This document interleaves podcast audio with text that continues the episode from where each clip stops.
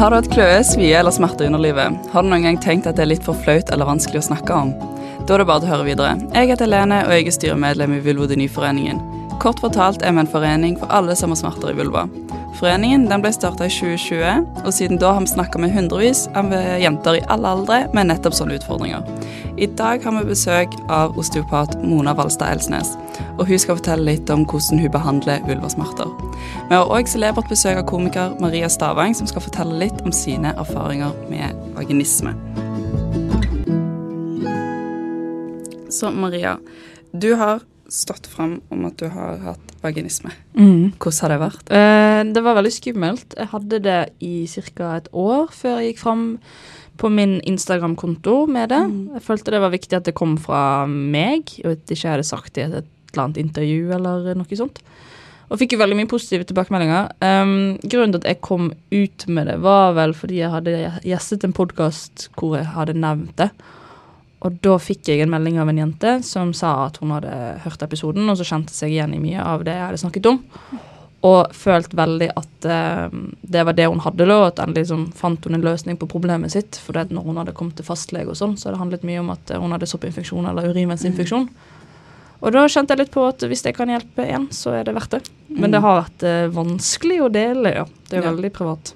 Ja. Kanskje det mest private som Det går an å dele. Ja, for det er jo vanskelig å liksom, liksom stå fram og si sånn Nei, du, gjengen, jeg har vondt i dissen, liksom. Og det er jo ikke så fett at alle skal gå rundt og vite det. Ja, og så tror jeg liksom folk misforstår det litt. Mm. Eh, at det kan virke, virke som noe veldig sånn Hva skal jeg si? Eh, noe seksuelt. Mm. At det Å, trang fitte, liksom. Eh, for å bruke det ordet. Ja. Eh, så det er jo eh, Og så handler det om eh, noe så privat som, som sex. Mm. Eh, og jeg har jo partner også, så det er jo også en Jeg måtte ta en runde med han om det var greit for han at dette ble delt, liksom. Men eh, jeg har jo fått bare veldig fine tilbakemeldinger, og eh, jeg kjente i hvert fall at jeg savnet at noen snakket om det da jeg fant ut av diagnosen. Mm. For eh, når forsto du at ikke alt var sånn som det skulle være? Eh, det var når jeg hadde, skulle ha samleie, og så gikk det ikke. Og så var jeg sånn Ja, det kan være en dårlig dag. Og så gikk det ikke tredje gangen heller, og da skjønte jeg veldig fort at det var det jeg hadde. Oh, ja. Eh, Jeg har eh, familie som har hatt eh, lignende problemstillinger. Og eh, var ganske bestemt da jeg kom til min fastlege at det var dette jeg hadde. Jeg ville bli trodd. så da eh, sa jeg til henne at eh, det, det er nok dette her jeg har. Jeg har eh, jeg tror jeg har vaginisme. Mm. Og så sa hun da skal jeg henvise deg enten til en privatklinikk, Os Oslo kvinnehelsesenter, som er der jeg har gått til behandling, og så eh, eh, Oslo Mensendyk Ja. i Nydalen. Ja. Men der var jo det, det jo, der var det veldig lang venteliste. ja. Ja. Jeg òg har vært på den ventelisten. Ja, Ja. lykke til. Takk. Seks måneder. Yay, åtte. Ja. Men eh, eh, snakka du med liksom venner og kjæreste, eller bare gikk du rett til legen og var sånn Dette er det jeg har. Jeg må gjennom, liksom. Jeg er veldig sånn Jeg skulle gjerne hatt ting gjort i går. Ja. Eh, så jeg liker at ting skjer litt fort. ja. Så jeg gikk jo og bestilte ganske fort legetime. Ja. Uh, og sa Var veldig ganske bastant og sta, Mm. som man skal, ikke skal være på et legekontor, har jeg skjønt. For jeg har jo ikke den utdannelsen. Men jeg skjønner jo nå at det er veldig mange som, hvis ikke man er litt stant og basta, så får man beskjed om at det kan være noen andre ting som er i veien. Mm. Og jeg er veldig glad for at jeg ikke har gått på 100 soppkurer og 100 antibiotikakurer for urinveisinfeksjon. Ja. Fordi at det, dette handler jo om eh, det muskulære, Ja. og ikke ja, Mm. det andre. Det er det. Og Mona, du jobber jo med sånne eh, caser som Maria hver dag. Ja. Kanskje du forteller litt om deg sjøl? Tusen takk for at jeg fikk lov til å komme. Mm. Eh, Jeg er veldig fan av foreningen deres. Jeg syns dere gjør en veldig bra jobb. Viktig jobb. Um, og jeg heter da Mona Valstad Elsnes. Jeg Mm. jobber som osteopat og fysioterapeut. Uh, ved det som jeg eh, dessverre er eh, Norges eneste private vulvaklinikk. Mm. Men vi håper jo at det kan komme flere, og jeg er så heldig at vi har, er en del av et tverrfaglig team da, på C Medical. Hvor jeg eh, har min rolle som muskel-skjeletterapeut, som osteopat og fysioterapeut, og møter kvinner med ulike form for bekkensmerter hver eneste dag. Mm. Eh, og Maria, du har jo fått hjelp av en sånn osteopat som Mona, da. Mm. Eller ja, en kvinnehelseosteopat. Hva behandling får du der? Hva type Hva, hva gjør de? Det var veldig eh, rart første gangen, fordi da hadde vi en sånn oppstartssamtale om hva man tror det kommer fra. Altså hvorfor har jeg fått vaginisme? For det kom jo veldig sånn brått for min del. Ja. Eh, og da, uh, etter liksom å kartlegge litt barndom og trening og stress og alt sånn, så var det en slags um, Hva skal jeg kalle det? Jeg la meg ned på et sånt uh, bord Ja. med sånn papir under, Ja, ja. som er sånn klassisk. Sånn undersøkelsesbenk-variant, Ja. ja. Og så hadde jeg på meg truse. Ja. Og så gikk hun da innunder set seteknutene, Mm. og så kjente hun på muskulaturen i bekkenbunnen. Mm. Og den var jo ganske stram. Og den, ja, jeg skal ikke skremme folk, men det var jo heldigvis noe veldig behagelig Ikke behagelig, da, men kanskje bra med å kjenne at hun sa 'her er det stramt', Mm. og da var det et problem, da. Altså Ja. jeg visste hva det var, for Mm. oppi mitt hode så hadde det bare vært at jeg ikke hadde vært klar. Ja. Mens her var det noen som sa dette er problemet svart på hvitt, du har veldig stram bekkenbunnsmuskulatur. Mm. Og det var en liksom, litt sånn lettelse å få den diagnosen. Eh, og da var jo det eh, Jeg får jo behandling i form av at jeg får eh, Jeg kaller det for massasje, for fint. Ja, ja, men det er jo det. Ja. Og så uh, at jeg tøyer ut med dilator uh, hjemme. Ja. Mm. Og Men Mona, sånn mer sånn helhetlig, på en måte, hva er det en osteopat kan hjelpe med når du sitter med en pasient som har vaginisme eller vulvodyni? Veldig godt spørsmål. Og veldig, veldig individuelt fra pasient til pasient. Um, fordi det må alltid ligge en god og grundig undersøkelse i bakkant av at man er, eh, setter i gang en behandlingsplan. Og det er også en fordel om eh, man er undersøkt av gynekolog og eventuelt også hudlege hvis det er eh, behov for det. Fordi det kan være at det ligger medisinske grunner som skal adresseres med medisinsk behandling, som Ida så fint eh, snakket om i den episoden hun var gjest. Og og når man da har vært igjennom denne utredningen og fått diagnosen, så, så er det ofte da at pasienten kommer henvist til meg.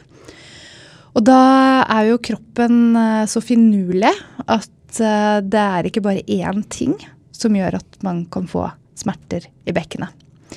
Så um, årsaken til hvorfor man har da fått diagnosen vaginisme eller, vulvodyni, uh, om den er provosert eller uh, hva, hvilken karakter den har, uh, så kan det være mange ulike årsaker. Og um, det kan være ting som har direkte med muskulatur og ledd og nerver og blodgjennomstrømning lokalt.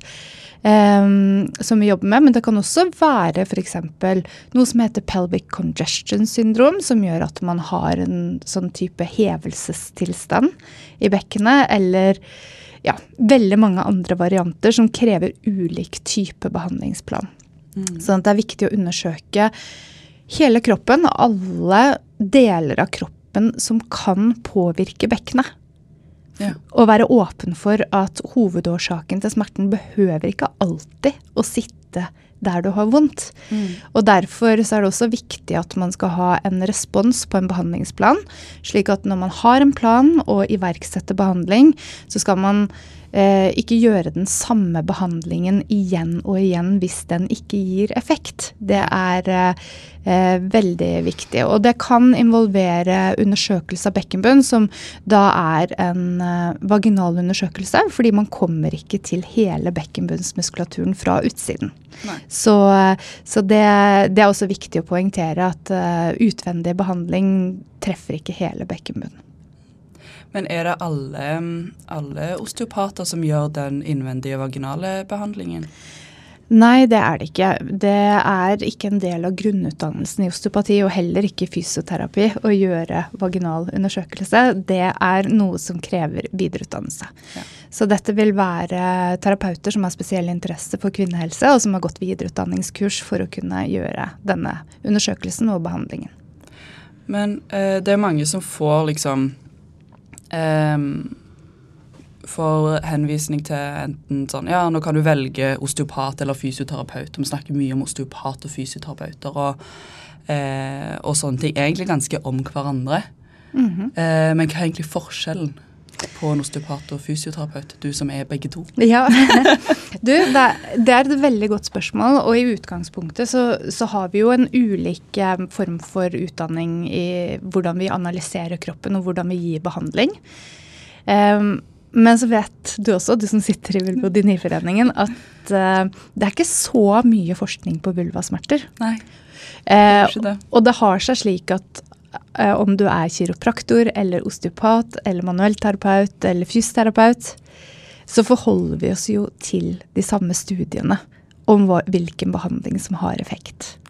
Eh, så det kan godt være at du møter veldig mye av den samme behandlingen om du går til en fysioterapeut eller en osteopat. Det handler kanskje mest om eh, interessen din og videreutdannelsen din. Mm. Eh, men eh, fra min erfaring og fra min utdanning så, så, er den viktigste forskjellen det er hvordan vi bruker hendene våre til å behandle i osteopati. At vi er veldig hands on i behandlingen. Eh, og så legger vi også selvfølgelig til trening og øvelser. Mm. Eh, men det er jo selvfølgelig også fysioterapeuter som er veldig hands on. For da er osteopater er, er mer på, liksom, utpå å massere på bekken og massere på sitteknutene, sånn som Maria snakket om? Eh, det vil jeg absolutt ikke si at det er Vi har mye, mye å spille på. sånn at det er, det er, det er én teknikk. Jeg kan ja. sikkert ramse opp tusen forskjellige ting du kan gjøre for et bekken. Så, så, så, det er viktig å ha et arsenal av ulike måter å komme inn til pasienten, fordi alle er så ulike. Det er jo ikke én person som er lik den andre. Nei. Og eh, alle pasientene er jo forskjellige, og vi får jo, hører jo mange historier om alle de som er sånn men det funka, funka ikke for meg, eller funka ikke for de, da funker ikke det for meg, og sånne ting. Men eh, så hva er det pasienten ofte må gjøre sjøl eh, mellom, mellom de behandlingene hos osteopaten? Jeg pleier å si til pasienten når vi er ferdig med en behandling, at undersøkelsen fortsetter nå to dager, i hvert fall. At du skal lytte til din egen kropp og kjenne etter hva er det som skjer etter at vi har behandlet denne gangen. Og da får vi jo informasjon eh, om responsen på behandling. Eh, og i løpet av den tiden å eh, hente frem den informasjonen og så diskutere da, være ærlig på at kanskje man har hatt en negativ effekt. Kanskje man har hatt en ikke-effekt. Kanskje man har hatt en positiv effekt. Uansett hva svaret er, så er det informasjon. Og da er det informasjon til å enten legge bort eh, det vi jobbet med, fordi at det gjorde at det ble verre, men kanskje da se i en annen retning. Eh, eller å få en bekreftelse på at eh, ja, nå er vi på riktig, vi på riktig vei. Så det jo, vil alltid være et samarbeid. Eh, og når man er på riktig vei, så kan man også være veldig spesifikk på hvilke øvelser trenger du å gjøre for at du skal bli bedre. Eh, og så har vi også disse mm, flotte hjelpemidlene som Maria bruker med dilator. Ulike typer dilatorsett, biofeedback-trening. Nå har det kommet en ny pelvibond som mange syns er kjempefin. Eh, og diverse øvelser som er viktige at man følger opp selv. Fordi eh, det er jo ikke at de få timene helst du har hos meg, du skal bli bra. Det er jo at du skal lære deg hvordan du skal håndtere eh, situasjonen på mm. egen hånd. Eh, men kan du bare fortelle, eller forklare hva et dilatorsett er? Ja. Eh, dilatorsett, det er eh, nå Kanskje jeg sier feil, men jeg pleier ofte å forholde meg til tre ulike typer. Mm. Uh, hvis man går inn på quintet.no sine sider, så kan man se bilde av disse. Og da er det ulike grad av uh, mykhet eller hardhet. Så ofte så begynner man kanskje med noen som er ganske myke og snille. Eh, og da er det som en stav i ulike tykkelser som du kan bruke til å tøye muskulaturen rundt skjeden eller i skjeden selv. Og så finnes det også noen i hardplast som er eh, helt blå, som, som, eh, som, tøyer veldig effektivt. da. Og så bytter man gjerne dilator etter hvert som man blir bedre. Mm. En sånn pelvi wand eller pelvic wand? Ja. Den er, den er litt buet. Eh, så mange syns at den kan være fin for å komme til på ulike steder der du mm. eh, trenger å tøye helt spesifikt. Eh, og så er det også noen av kvinnene som etter fødsel sliter med å ha avføring uten å få støtte mot bekkenbunnen pga. fremfall f.eks., som bruker dem for å støtte skjedeveggen, slik at man effektivt skal kunne komme på do. Så det fins litt ulike eh, måter å bruke dem på. Hva var det siste? Bio... Nei. Biofeedback, Ja. ja, det er um, en treningsform der man måler spenning i skjeden. Ja. Så eh, hvis uh, Når du kom til behandling da var veldig veldig anspent Nå vet jeg ikke hvordan det er nå, men uh, hvis jeg hadde sagt til deg um, Nå må du slappe av, Maria, så er ikke det så lett å gjøre. Fordi man har kanskje ikke noe kontakt med muskulaturen. Man er veldig stram og har ikke noe forståelse av hva egentlig er det å spenne av i bekkenbunnen. Og man ser jo ikke bekkenbunnen utenfra heller, noe som gjør det ekstra vanskelig. Eh, så biofeedback registrerer eh, spenning, og du kan øve på å slappe av og stramme muskulaturen. Eh, samtidig som du får opp på en skjerm om du gjør det riktig eller ikke. Så det er veldig nyttig. Det er liksom Hvis jeg forsto det riktig, så, eller som jeg har sett det før, så er det liksom Det er en probe som du stapper opp i skjeden, og så ha- har den sånn Trykksensor. Ja. Jeg har gjort det. Jeg kom på det nå når du forklarte Mm. det. Jeg bare husket ikke at det var det det het. Det er Nei. veldig kult, faktisk. Det var som, ja, det var se sånn Litt som et uh, spill på mobilen. Ja, var sånn, ja, ja, Bare men at det er du jo styrer det. med tissen. Veldig løye. Veldig vanskelig. Ja. Eh, men eh, Maria, eh, nå har jo du levd med vaginisme en stund. To år, To cirka. år. Ja. Hvordan påvirker det deg i hverdagen? Eh, Det påvirker meg på en måte at eh, eksempel jeg er veldig glad i tung fysisk aktivitet. Jeg synes jo for eksempel jeg har fått en sånn, høres ut som alle andre som driver med crossfit, men jeg Ja. synes jo crossfit er veldig, veldig gøy. Det er veldig, veldig gøy. Og jeg fikk jo ganske knallhardt tilbakefall av det. Ja. Så det var jo veldig sånn her Åh, Nå følte jeg at jeg hadde funnet en trening Altså Bare det å synes at trening er gøy i seg sjøl, er jo vanskelig. Mm. Og så finne en form som man syns var, var artig. Og så nå kan jeg liksom ikke Eller jeg, jeg tør liksom ikke, for det, det er mye man ikke Noen ganger man blir litt ekstra forsiktig på ting, da. Eh, men jeg tenker ikke så mye på det til vanlig, annet enn når jeg er hjemme og skal um, være samboer. Men eh, sånn i forhold til du Du sier at du er litt Akkurat som om du er redd for å gå på crossfit, på en måte. Gjør, tilpasser du da? Endrer du treningsform, eller hva? Ja, ja, jeg gjør jo det. Eh, og så må man liksom Jeg husker jeg hadde Det var noe sånn at gå, jeg skulle gå opp på en sånn boks, og så skal Mm. du hoppe opp. Og Ja. det er jo helt Det må du ikke finne på hvis Nei. du har bekkenbunnsproblemer. Og så kom det en sånn der eh, fyr med sixpack i trynet Mm. og bare 'Går det fint her, Stavang?' Og så sånn Ja, men jeg skal ikke begynne å fortelle deg nå at jeg gjør ikke dette fordi at jeg har back... Altså det blir bare sånn, så er jeg sånn Ja, det går bra. Jeg må bare, ha, jeg må bare omstille litt. Jeg er syk. Og så det, det er bare sånn Det er så privat ting Ja, ja. som man må bare prøve å si på en, en bra nok måte. For at eh, Ja. Crossfit er jo ett eksempel på ting. Ja. Og løping for eksempel, har jeg fått beskjed om at det kan være dumt for bekkenbunnen. Mm. Og det er gjerne ikke så fett at når det kommer liksom, ja, de store mennene med sixpack i fjeset og bare Du, skal ikke du være med? Skal ikke Ja. du ta i litt, ta i litt ekstra? Jeg kommer Ikke gi deg. ikke gi deg bare sånn, Jo, jeg må nesten. Jeg skulle gjerne gjort det, men jeg har også lyst til å ha et uh, privatliv etterpå. Ja. Men Kan jeg hoppe inn der? Ja. ja fordi jeg, det er jo så Selv om det gjelder for deg, Maria, så er det også veldig viktig å påpeke at for mange så vil ikke det provosere smertene. Mm. Eh, sånn, og det å si at det ikke er lurt å løpe eller ikke trene crossfit for alle, tenker jeg også kan være litt farlig, fordi at trening er en kjempeviktig del av god helse. Mm. Og hvis vi skal holde alle kvinner som har bekkensmerter, borte Nei, fra trening Ingen som så, går på trening. ja, så, så, så En av ti kvinner da får ikke gå på trening. Nei, si. ikke sant? Og det, det er ikke noe bra for kvinnehelsen. Så, så, så det er veldig viktig å altså, påpeke for det første at, at trening så absolutt fungerer for de aller fleste, og at man kan tilpasse seg. Og så er det jo litt interessant, da, tilbake til det jeg sa i sted. Det er jo informasjon at du blir verre av å gjøre den øvelsen. Da vil jeg også stille meg selv spørsmålet hvorfor.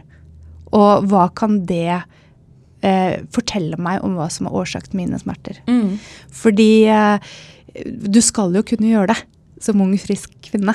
Eh, men eh, jeg syns at den måten å se det på er litt spennende. Så tenker jeg at Mm. alle skal få lov til å trene, og at vi må kunne tilpasse. Og spesielt det med løping. Jeg har også hørt om veldig mange som har fått beskjed om å ikke gjøre, men som klarer det helt fint. Og så blir de kjempelei seg fordi de ikke kan gjøre noe de elsker.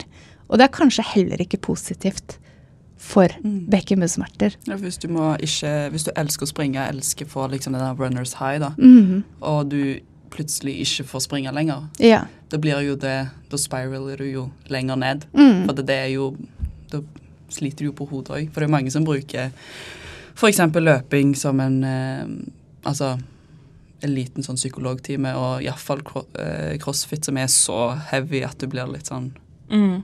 Dag er jeg sint, i dag skal jeg på crossfit. Ja, akkurat. Og det har jo, jeg er åpen med min eh, osteopat om, om at jeg driver med crossfit og sånn, og hun er jo veldig flink å tilpasse hva slags Mm. øvelser og sånn som jeg eh, bør passe litt på, og hvilke øvelser jeg må moderere. Eh, det er bare det at man jeg vet ikke, klassisk, Man føler seg annerledes. Det er litt eh, kjipt. Jeg skulle gjerne liksom vært med og løftet det bildekket kun med, med bekkenbunnen, liksom. Eh, Men så går det ikke, det. Og så må jeg eh, moderere Det har jeg lyst til å se. Ja, det, og, og jeg skal sende deg en video senere. Men at um, Ja, jeg er litt sånn ekstra påpasselig på ting som jeg vet har med, kan gi tilbakefall. Ja. Og det å få tilbakefall er, er så kjipt. Ja, det er veldig Du føler liksom Du, du går jo oppoverbakke, og så Ja. går du oppoverbakke, oppoverbakke, oppoverbakke, og så blir det sånn Yes, snart til toppen. Ja. Og så blir det sånn Nei. Og tilbakefall føles også så brått. Mm. Det så, du får ikke liksom, eller jeg i hvert fall får ikke noe beskjed om at det kommer. Nei. Og så plutselig så er det der, og så er det sånn Nå raktet hele verden igjen. Nå må jeg Hva gjør jeg nå? Og så må man bare hente seg inn igjen og begynne på en ny behandlingsplan, og så Ja. håpe at det skal gå bra. Det gjør jo det. Men eh, Mona, du som har mange sånne Eller møter mange sånne kvinner i løpet av ei uke. Mm. Har du noen suksesshistorier til oss, nå som det ble litt negativt her, skal jeg ta si? Jeg har mange. ja. Ja, det er så viktig å si at det er, eh, det er mange. Det er mange som blir bra. Mm. Eh, og, så, og så handler det om å bli bærekraftig bra, bra også, at det har varighet. Eh, og og der, der vil det jo være slik at man har vært igjennom en måte å ha vondt i kroppen på, så er det ofte hvis man blir trigget på en eller annen måte i området, at man kan få litt tilbakefall. Man er litt mer sensitiv og kanskje eh, at man har en tendens til å spenne seg opp mer i et område. Så det å ha verktøy til å takle det også, er, tenker jeg er kjempeviktig. Eh, noen eh, bruker jo lengre tid enn andre på å bli bra. Eh, og det var en eh, kvinne som sa nå i forrige måned når jeg gikk ut av kontoret, at hadde jeg visst hvor lang tid dette kom til å ta, så vet jeg ikke om jeg hadde klart å starte på det vi har gjort sammen. Eh, og det skjønner jeg godt, fordi for mange så krever det mye innsats og egeninnsats i form av tøyning og øvelser, behandling og mm, eh, noe som for veldig mange er en god hjelp, det er Botox-behandling. Eh, og denne kvinnen jeg husker så godt første gangen hun kom inn til meg, så, så var vi langt unna å kunne undersøke bekkenbunnen vaginalt. Eh, vi jobbet med helt andre ting. og eh, hun eh, hadde fått beskjed om å ikke trene, og en av de første tingene vi gjorde, var å putte trening tilbake på agendaen. Eh, men med da systematisk trening og tøyning også av bekkenbunnen. Eh, men kanskje det viktigste hun har gjort, har vært å lære seg å være ærlig med seg selv i valgene hun tar i livet. Slik at hun ikke går i konstant stress eh, i jobbsituasjonen og i relasjon til familie og sier ja til alt hun ikke har lyst til. Eh, og det har nok kanskje vært den viktigste delen av vår behandlingsplan. Hun har gjort store livsstilsendringer på veien til å bli bærekraftig frisk. Um, og så husker jeg en annen kvinne som kom inn, og hun hadde også, som mange andre, gått lenge uten å få svar på hvorfor hun hadde smerter i bekkenet. Um, når vi undersøkte henne, så etter at hun hadde også vært gynekolog og blitt utredet for hudlidelser og alt det som skal gjøres først, så um, oppdaget vi at hun har en veldig lokal provosert uh, vulvodyni. Og da kom hun på at uh, den har akkurat det smertepunktet fikk hun første gangen hun uh, hadde fått menstruasjon. For da var hun i USA og brukte, hvis du har sett disse tampaksene, som Mhm. er sånn tamponger i USA. Så hun, første gangen man skal bruke tampong, så var det det hun brukte. Og hun sånn hadde vært litt hardhendt når hun satte den inn, så hun hadde jo rett og slett skadet muskulaturen sin på det stedet ved å trykke det hylsteret for hardt inn. Og da var det veldig lokal behandling som skulle til, og bare et par behandlinger så var hun frisk. Bra. Mm. Det, Så det behøver ikke alltid være så komplisert. Men Nei. når man går så lang tid før man får svar, eller blir trodd, så blir jo alt veldig stort også. Mm. Og det er der jeg skulle så veldig, veldig gjerne ønske at flere var sånn som deg, Maria, som bare liksom gikk inn til legen og bare Du, dette har jeg. Jeg skal videre. Gi meg hjelp nå. Mm. For at hvis de Altså, det er sånn du kommer videre. Det var det Som regel, i hvert fall. Mm. Hvis du ikke har verdens aller, aller beste fastlege, som det dess, dessverre er litt langt imellom. Ja, jeg har jo lest meg opp på mange historier om jenter og kvinner som eh, ikke blir trodd. Og da eh, fikk jeg ordentlig vondt. Og fått oss tilsendt mange historier om, om jenter som går alltid fra et år til sju år før de blir trodd og får hjelp. Da. Ja. Og det er jo fordi man ikke vet at dette fins. Mm. Og det er det som er så vanskelig, at folk ikke prater om det. Det er Mm. ikke så fett å sitte og snakke offentlig om at du, jeg har vondt i tissen, liksom. Mm. Men det er det som faktisk er fakta, på en måte. Og folk må jo vite at det er et problem. Eller at det går an å være et problem, på en måte. Eh, men eh, Mona, hvis du har gått lenge til osteopat, f.eks., og de ikke, og de ikke opplever at du blir bedre, har dere andre verktøy dere kan bruke da, eller sender du videre? Um, så hvis, en, hvis du stiller det spørsmålet til meg da, som pasient, f.eks., så vil jeg også først uh, spørre har du en plan med osteopaten din. Har dere identifisert en årsak til at du har vondt, og er det noe dere jobber systematisk med?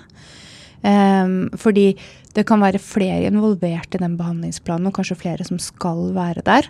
Eh, kanskje i form av traumebehandling, at man trenger psykolog, sexolog. Eh, mer langvarige tiltak som gjør at man ikke forventer at tilstanden skal løse seg eh, på kort tid. Eh, men hvis man eh, fortsetter da på samme behandlingsplan uten å ha en konkret totalplan, men ikke opplever effekt, så er det kanskje på tide å revurdere om behandlingen gir resultat, og eh, om man skal endre måten man behandler på. For det finnes jo ulike systemer som påvirker bekkenet, sånn som jeg sa i sted. Um, så det er jo sånn viktig at man er åpen for at alle disse faktorene som kan gi deg smerte, er hensyntatt. Og um, det Gjennom samtale og gjennom å være oppmerksom på hvordan behandlingen har effekt, så man, skal man jo sammen komme frem til eh, både en behandlingsplan som gir effekt, og øvelser man kan gjøre selv. Eh, hvis man ikke har den form for kommunikasjon, så kan man jo kanskje være åpen for å søke hjelp et annet sted. Mm. Eh, så bra. Eh, men Maria, du var jo med på 71 grader nord, og du gjorde det veldig, veldig bra der. Hei, hyggelig. Men eh, da var du jo Altså, du var jo lenge vekke, for du gjorde det så bra. Men eh, hvordan påvirka det deg og jeg skulle til å si, og hele bekkenbunnen din der? For det er jo Altså, du, Det er jo ikke stikk under en stol at det er ganske heavy fysisk eh, påkjenning eh, og sånne ting, og du får jo ikke velge hvilke klær du skal gå i, og rutiner er borte, og vekke fra behandling og sånne ting. Og et telt å ligge i med Ja, ja. fire andre, så det Ja, var jo ikke så mye privatliv heller. Nei, du kunne ikke flekke opp et dilatorsett. Gidder dere bare vente utenfor? Eh, nei, altså for min del så eh, hadde jeg trent ganske mye ettbeinsøvelser. Mm. For dette var jo på min Eller min diagnose har jo, som vi har kommet fram til, da, meg og min osteopat, at det handler om at jeg har trent mye uh, mye uh, markløft og knebøy, som har vært min, mine sånn utløsende faktorer. Uh, så da var det å sette opp en treningsplan på å gjøre mye ettbeinsøvelser. som også er bra når man skal på fjellet, for det er jo ett og ett bein oppe til fjellet. Og eh, når jeg kom hjem igjen fra opptak, som varte jo en måned siden jeg kom såpass langt, eh, så gikk det veldig fint, altså. Eh, og for meg så Det å gå i fjellet og være i naturen, det ga meg så lite stress. Altså, jeg fikk så jeg, fikk helt ro. Jeg fikk så roen. Ja, så bra. At det hadde faktisk ikke Det slo ikke ut noe særlig eh, etterpå. For min del så handlet det vel om når jeg skulle begynne å trene igjen. Eh, og da trente jeg jo på en annen måte, for jeg syns jo styrketrening er veldig kjedelig. Men jeg måtte gjøre det for å forberede meg til 71. Ja, ja. Eh, så da jeg begynte med en annen type form for trening, det var jo da det begynte å bli verre Mm. for min del. Men eh, heldigvis er jo det mye teknisk tøy og slapt, og det er ikke noe som skal grave og Ja. sånn. Men eh, jeg var veldig spent på om det skulle ha noe å si når jeg kom tilbake, og jeg tipper jo det igjen. Vi er jo så forskjellige alle kvinner der ute, at det er andre som kunne hatt eh, vondt av det. Men Ja. eh, for min del så var det en rar ting, men naturen tror jeg ga meg såpass mye ro, indre ro, at Ja. jeg klarte liksom å, å slappe av. At du klarte å slappe av. Ja. Ja, men det er fint. Men sånn eh, avslutningsvis eh, Vi kan starte med deg, Maria. Ja. Har du noe du vil si til jenter og kvinner som sitter der ute, og som har smerter i vulva akkurat nå? Eh, hvis du skammer deg, Mm. så vit at eh, det holdt jeg på å si Det er veldig normalt. Mm. Det er veldig normalt å føle seg annerledes og, og Ja, hva skal jeg si? Jeg, må, jeg, jeg, jeg føler sånn Et ord jeg bruker mye til min samboer, jeg bare føler meg så teit. Mm. Eh, men få hjelp. Skaff hjelp. Oppsøk hjelp. Folk er veldig åpne og fine, og det at du kommer med din historie, er jo altså de, de, de, de som hjelper deg og behandler deg, de har jo, hører jo dette hver dag, så det er Mm. ikke unormalt. Du er normal. Ja. Du har bare litt ting som du må finne ut av. Ja. Um, og uh, ja, pust. Men faktisk Ja, pust. Og eh, ja, nei, det, det tror jeg det jeg har lyst til å si. ja. Mona, har du noe du har lyst til å si? Håper det var bra, Mona. Ja.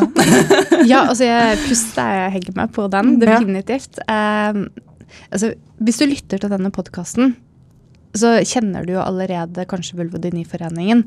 Eller så har du funnet den fordi at du sitter der alene og ikke vet helt hva du skal gjøre. Og da burde du sjekke ut Vulvodyniforeningen og vulvo.no. Mm. For å se at det fins faktisk mange behandlere som har spesiell interesse for å hjelpe nettopp deg.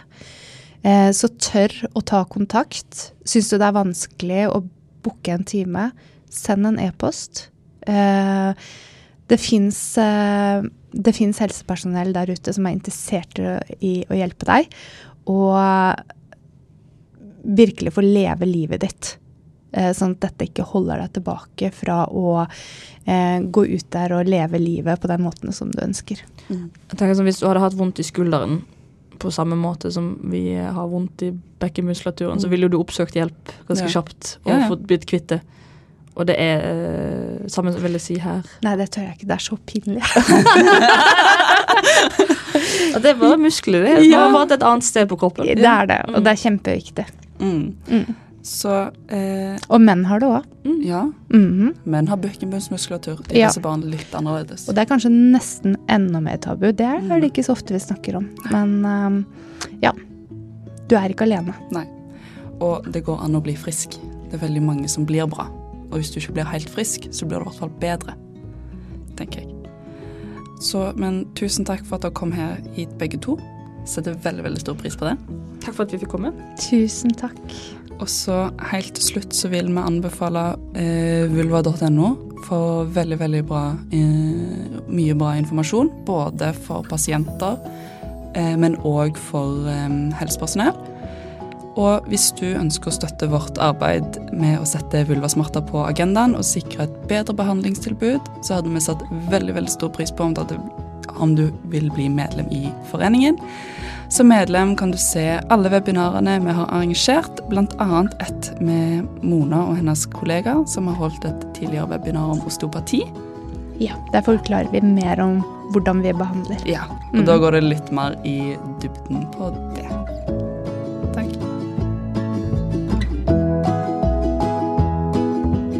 Du, har hørt en episode av Vulvarådet. Det er en podkast fra Vulvodyniforeningen. Og podkasten er produsert av Apeland og finansiert av Helsedirektoratet.